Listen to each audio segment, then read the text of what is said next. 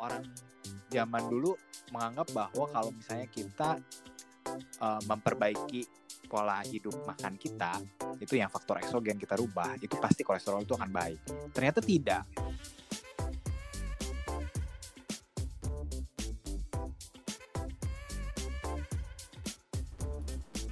Halo pendengar, selamat datang di podcast dokter pribadi.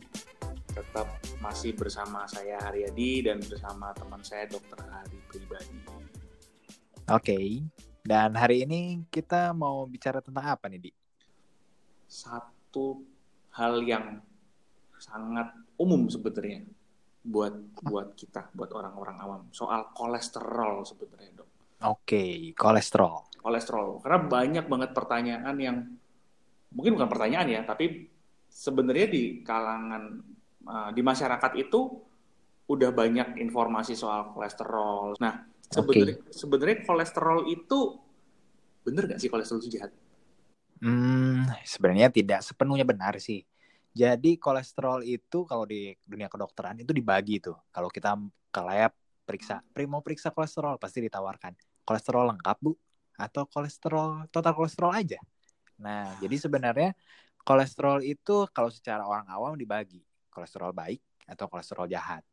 Nah, kolesterol baik itu yang kita sebut HDL atau high density lipoprotein.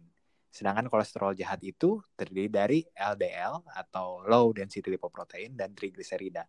Ketika tiga jenis kolesterol ini disatukan, maka keluarlah angka yang namanya total kolesterol. Dan kerataan kalau orang itu pergi ke lab yang cuman cucuk sedikit di tangan, okay. itu yang keluar itu total kolesterol. Jadi oh, okay. sebenarnya tidak menjadi patokan yang baik.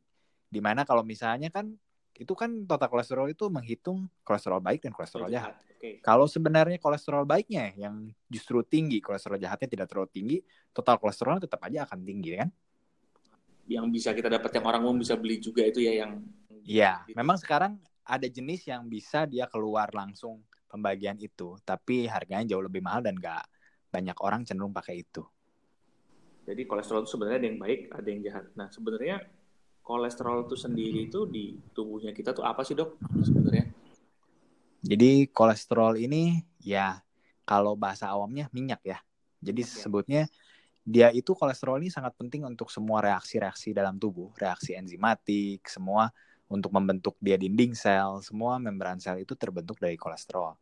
Dan kerataan tubuh kita ini memang menghasilkan kolesterol, tetapi hmm, kadar kolesterol dalam darah ini juga dipengaruhi oleh faktor dari luar, yaitu dari makanan salah satu contohnya. Jadi selain dari internal dihasilkan, dari luar juga akan berpengaruh.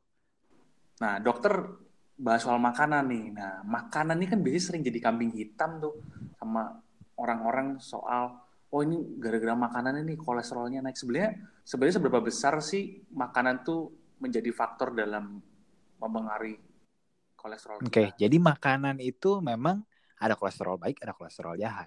Tetapi cenderung secara hmm. prinsipal humanis orang itu cenderung memilih makanan yang mengandung kolesterol yang jahat.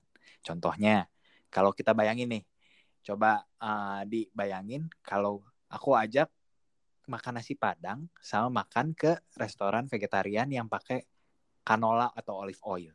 Lebih menggiurkan mana tuh di otak tuh? Iya nasi padang. Nah iya, jelas, nah makanya jadi cenderung orang itu menganggap, waduh kalau makanan-makanan yang enak itu mengandung kolesterol dan itu kolesterol jahat. Jadi ya nggak ada salahnya juga.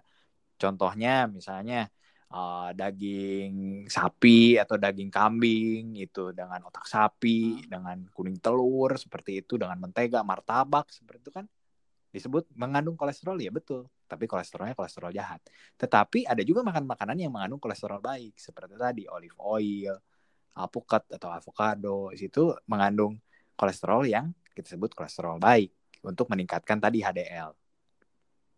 Nah, sebetulnya kalau ngomong akhirnya kita ngomong ada makanan yang mengandung kolesterol baik, kolesterol jahat, makanan itu akhirnya juga dihubungkan dengan kegemukan biasanya. Hmm. Orang yang suka makan banyak itu biasanya gemuk. Orang yang gemuk biasa dikonotasikan dengan kolesterolnya tinggi. Tapi saya pernah nemu ini. Jadi teman saya ini lebih kurus dari saya, 25-30 persen lebih ringan berat badannya dibanding saya, tapi LDL-nya dia lebih tinggi daripada saya. Kok bisa tuh? Karena orang kan biasanya mengkonotasikan orang gemuk kolesterol jahatnya tinggi. Hmm, hmm, hmm.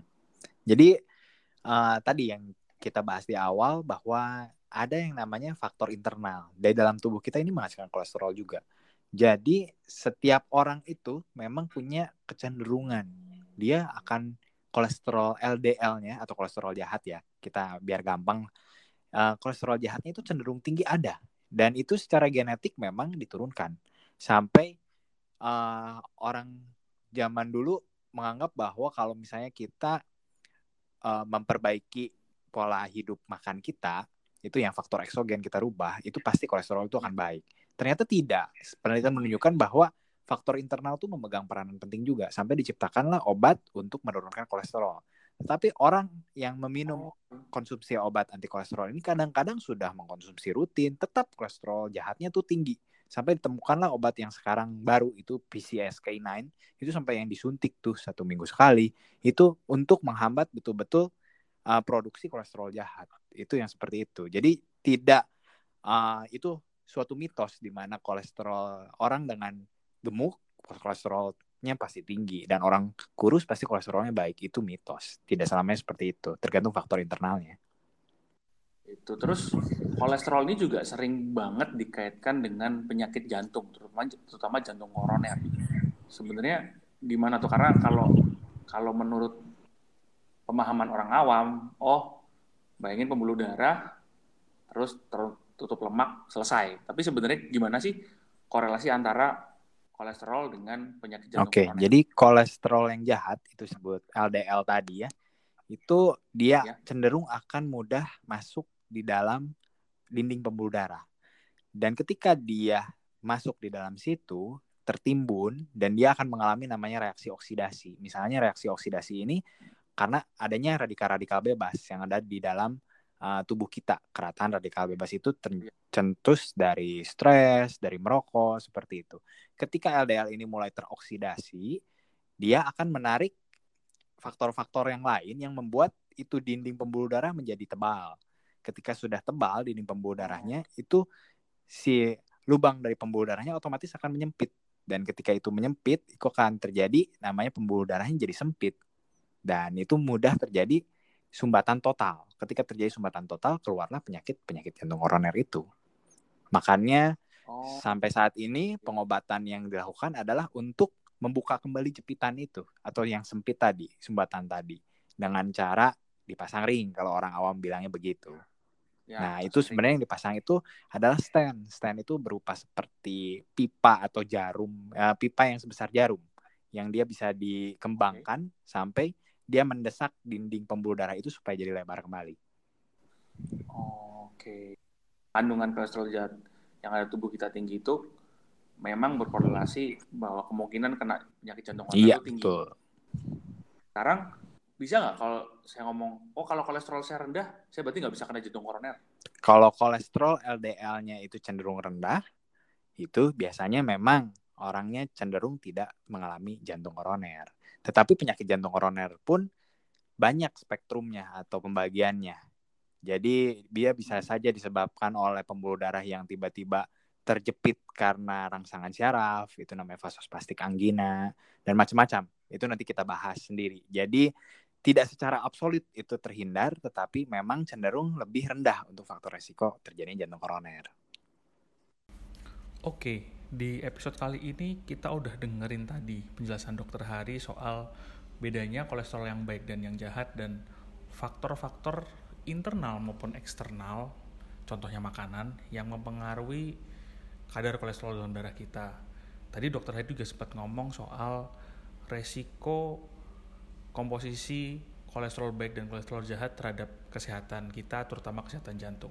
Nah, pertanyaannya sekarang, bagaimana sih cara untuk mengatasinya, bagaimana pengobatannya, dan bagaimana gaya hidup yang harus kita punya supaya kita tidak terkena penyakit karena kandungan kolesterol jahat yang ada dalam tubuh kita.